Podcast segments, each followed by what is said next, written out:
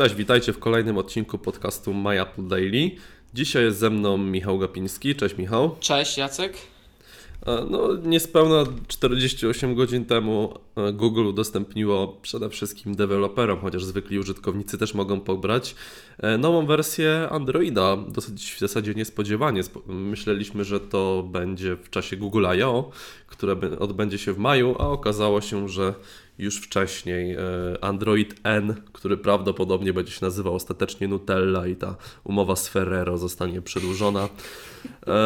No oczywiście tutaj będą śmiechy i chichy, że Android M, czyli wersja, która się pojawiła w maju, jest dopiero na 1% urządzeń, czyli Android 6.0, a tutaj e, Google już wypuszcza nową wersję, no ale problem fragmentacji Androida to jest zupełnie inny temat, którym my na MyApple się zajmować nie będziemy, bo to nie jest do końca nasza broszka, ale możemy powiedzieć o tym, co jest fajne w Androidzie N, bo tych fajnych rzeczy, które ja bym z chęcią naprawdę zobaczył e, w jest Androidzie sporo. jest całkiem sporo. Dodam też, że ja po premierze Androida N pisałem no, w zasadzie newsa na MyApple o tym, mm, co się pojawiło, ale tak naprawdę wtedy jeszcze nikt tego systemu nie miał zainstalowanego i jakoś e, nie zerknął na niego szerzej i bazowałem jedynie na tym, co Google opublikowało na swoim blogu, a co mnie dziwi, opublikowali bardzo mało, bardzo zdawkowe informacje. Okazuje się, że zmian i to fajnych zmian jest całkiem sporo. Jest więcej, dokładnie. Mhm. No to Michał, co Ci się podoba najbardziej? Bo oczywiście są pewne rzeczy, które już znamy choćby z nakładek producentów czy, czy z iOS-a, ale jest kilka rzeczy no zupełnie, hmm, może nie powiedziałbym, że nowatorskich, ale e, fajnych, nowych. Wiesz co mi się takich. najbardziej podoba, bo miałem, miałem przyjemność przez dłuższy czas używać Nexusa 5 na 6.0 mhm. i najbardziej e, podoba mi się e, strona, w którą idzie e, pasek powiadomień na Androidzie. O tak, bo, zdecydowanie. Tak, bo to, już jest, bo to już jest więcej niż zwykłe rozwijane powiadomienia z tekstem, tak jak było w Jelly Beanie, tylko po, one po prostu pozwalają na dużo większą integrację niż e, w iOSie i to mi się bardzo podoba. E, co jeszcze? Zrobili porządek e, z Quick Settings, e, dlatego że teraz jak w NC, jak wysuniesz pasek powiadomień, u góry obok godziny pojawiają się takie najbardziej, najczęściej używane tugle i dopiero po rozwinięciu całego paska po ponownym gestem Y, jeszcze raz y, pojawiają się wszystkie, y, wszystkie skróty, które żeśmy sobie dodali. Możemy je dowolnie ustawiać, możemy je nawet ładować na strony, więc to też jest super. Google daje większą kontrolę. To prawda, znaczy w ogóle one można na, na, strony sobie podzielić te tugle. No i powiedzmy sobie szczerze, chcielibyśmy w iOS zobaczyć z tego na, wysuwanego z dołu paska e, takie rzeczy jak włączanie, wyłączanie sieci komórkowej, e, nie wiem. E, Używałbyś tego szczerze? Tak. Znaczy za, za, granicą tak. A to przecież za granicą masz ten do, ten do roamingu, przełącznik po prostu w ustawieniach. Ale wiesz, na przykład powiedzmy, że kupuję sobie za granicą pakiet 2 GB internetu i nie chcę, żeby mi w tle tam zjadały te wszystkie Twittery, Facebooki i tak dalej.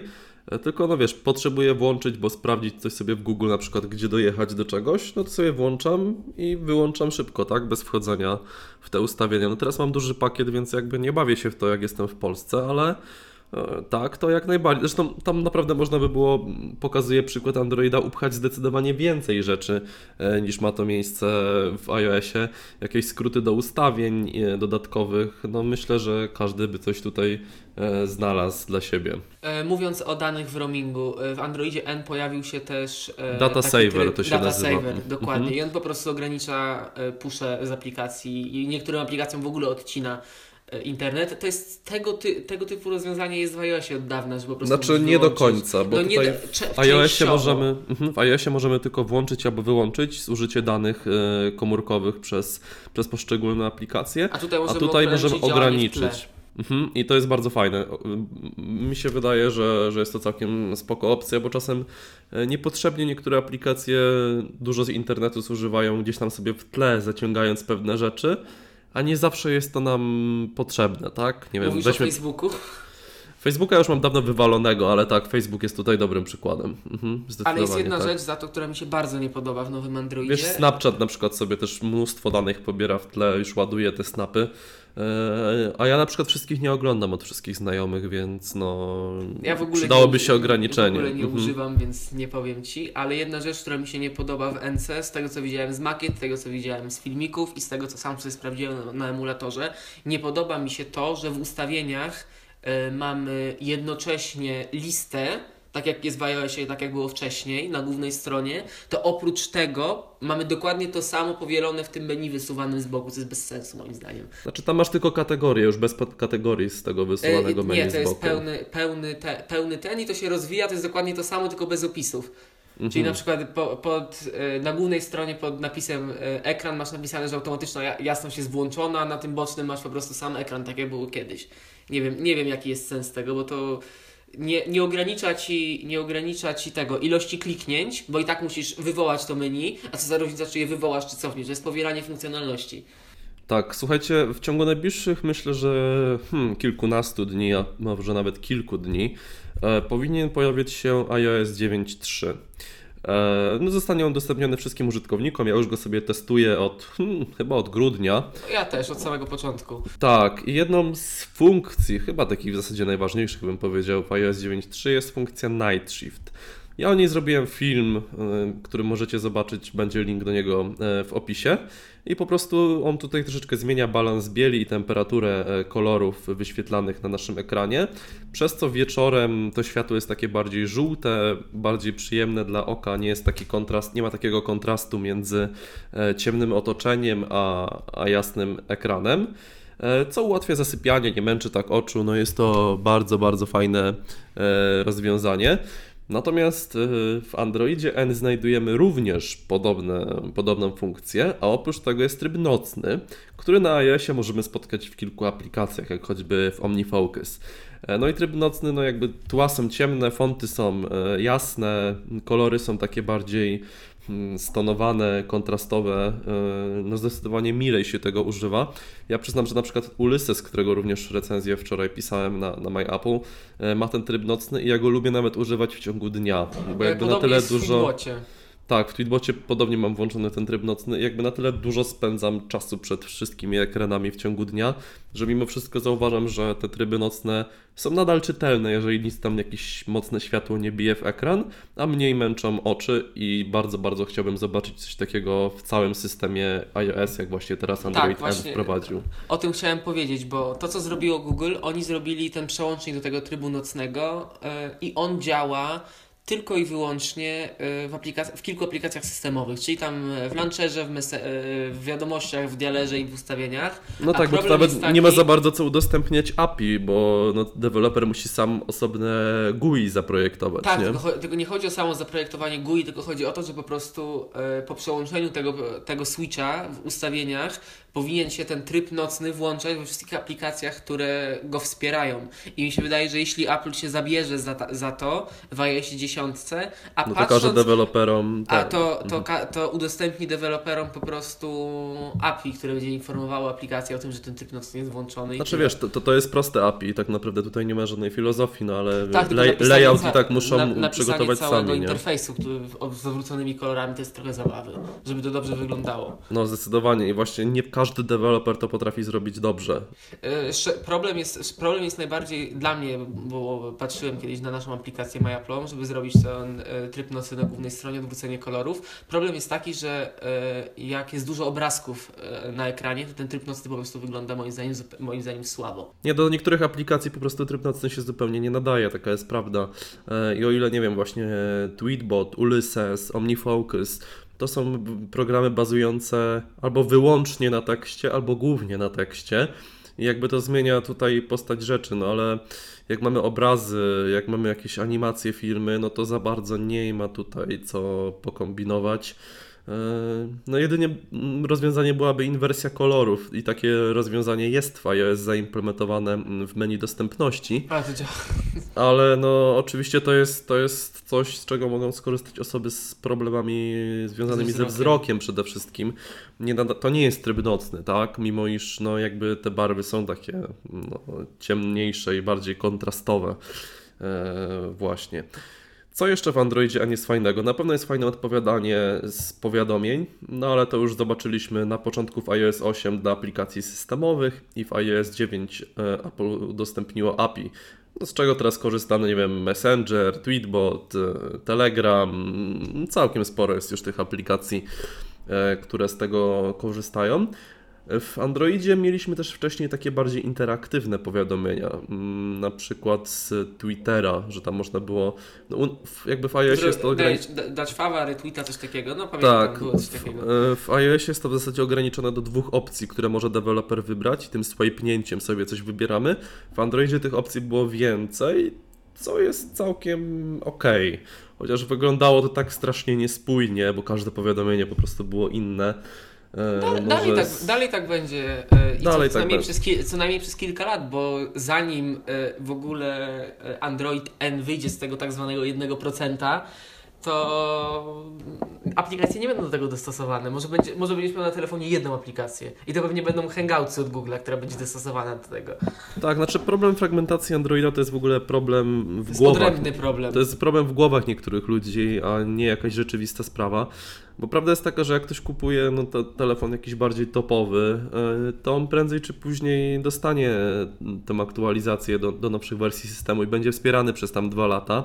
Jak, jak chce mieć czystego Androida w dniu premiery, to sobie kupuje Nexusa. E, a na st- starsze urządzenia no to jest masuwa po prostu, znaczy tańsze urządzenia to jest masuwa, no i tutaj nie ma się co łudzić, że, że będą przygotowywane te kolejne wersje systemu, a już na pewno nie szybko. No i jest też taki problem, że Android jest zależny od operatorów sieci komórkowej, których Apple sobie ominęło. E, Widziałeś, co e, się stało z tym z S7 w, w Verizonie? Nie widziałem. E, 10 aplikacji, wycięty Samsung Pay i oczywiście wszystkie blokady, tapety i tego typu rzeczy. I, on, i te telefony, żeby było śmiesznie, zawsze dostałem aktualizację po kilku miesiącach. Ale wracając do aktualizacji, dla takich telefonów jak topowe Samsungi, moim, moim skromnym zdaniem e, wypuszczenie aktualizacji na przykład, nie wiem, z 5.1 do 6.0 albo z 6.0 do, tej- do 6.1, czyli do Enki, to nie jest duży deal, bo te e, Właśnie wiadomo, czy to nakładki- będzie, to będzie 6.1, tak? Android ten? Ta, ta, jest w API jest jako 6.x, więc to będzie. mo- Moim zdaniem to będzie 6.1, ale. No na pewno nie 7.0, chociaż też rok temu na, też nas trochę zaskoczyli z tym No, sześć- 6.0. pamiętam, że na sali, na sali był trochę, był, było trochę śmiechu, jak oni powiedzieli, że to będzie 6.0, no ale to nie ma. No, bo zmian było mało, a tak naprawdę zrobili nową iterację. No. Mogliby szczerze mówiąc się przerzucić na, patrząc na tą fragmentację, która jest ogromna, mogliby się po prostu przerzucić na, na cykl wydawniczy, nie wiem, co, co półtora roku, taka duża wersja. Bo to gdyby y, to, co teraz ma NK, pokazali w zeszłym roku na IO, ten system by się zupełnie lepiej przyjął. To prawda, bo niektórzy producenci stwierdzili, że a tam dla tych trzech zmian, które Android tam wprowadził, to w ogóle nie ma co Ale on dla, się tych bawić. on, dla, on dla tych producentów nie wprowadzał żadnych zmian, bo jedyne czego, używa, czego Samsung używa w nakładce z Androida to jest, to jest właściwie jądro i to co jest pod maską, a cała reszta w ogóle ma mało wspólnego, więc jedyne co się zmienia e, jak Samsung aktualizuje na przykład z 5.1 do 6.0 to jest maszyna wirtualna do odpalania aplikacji, bo cała reszta to już jest ich customowy fork. Mhm, mhm. E, jeszcze ostatnią rzeczą, o której bym chciał wspomnieć tutaj w przypadku Androida N, to jest wsparcie dla Java 8 e, i ze swojego punktu widzenia możesz to ocenić jakoś na pewno bardziej niż ja. E, No problemem aplikacji na Androida jest to, że one są napisane w Javie, taka jest prawda. I oni dalej, i dalej uparcie w to idą. Ale to już nie ma odwrotu, nie da się już z tym niczego zrobić, bo trzeba by było wyczyścić e, Google Play w zasadzie. Znaczy nie, nie Google Play, tylko po prostu em, zostawić e, Wsparcie dla Javy. wsparcie Mhm. dla starej maszyny wirtualnej e, w Androidzie i po prostu jej dalej nie rozwijać i obok tego e, aplikacje tworzone pod nowe API byłyby tylko na te nowsze Androidy i byłyby pisane w bardziej natywnym kodzie niż w Javie. Ciekawe, jak, ciekawe jakiego języka by użyli, C++ może. Może Cepłotka, tak szczerze mówiąc. C-Sharpa? no, na to, co się, na to, co się dzieje ostatnio, że Microsoft, że Microsoft kupił tego Xamarin, dokładnie. I oni kupili Xamarina, czyli że e, Microsoft chce, żeby, używa, żeby C-Sharpa używało się do programowania zarówno na iOS-a, na Androida i na Windowsa razem, więc może jest w tym jakaś przyszłość, szczerze mówiąc. Mhm. No Trzeba mogliby by- też, mogliby też sięgnąć, mogliby też sięgnąć po Swifta, co by deweloperom ułatwiło życie zdecydowanie. E, no, No Swift jest open source'owy teraz, jest Tak, stale ale rozwijany. zobacz sobie, więc... zobacz sobie jaki, jaka była, ja- jak zmieniała się składnia e, z tego.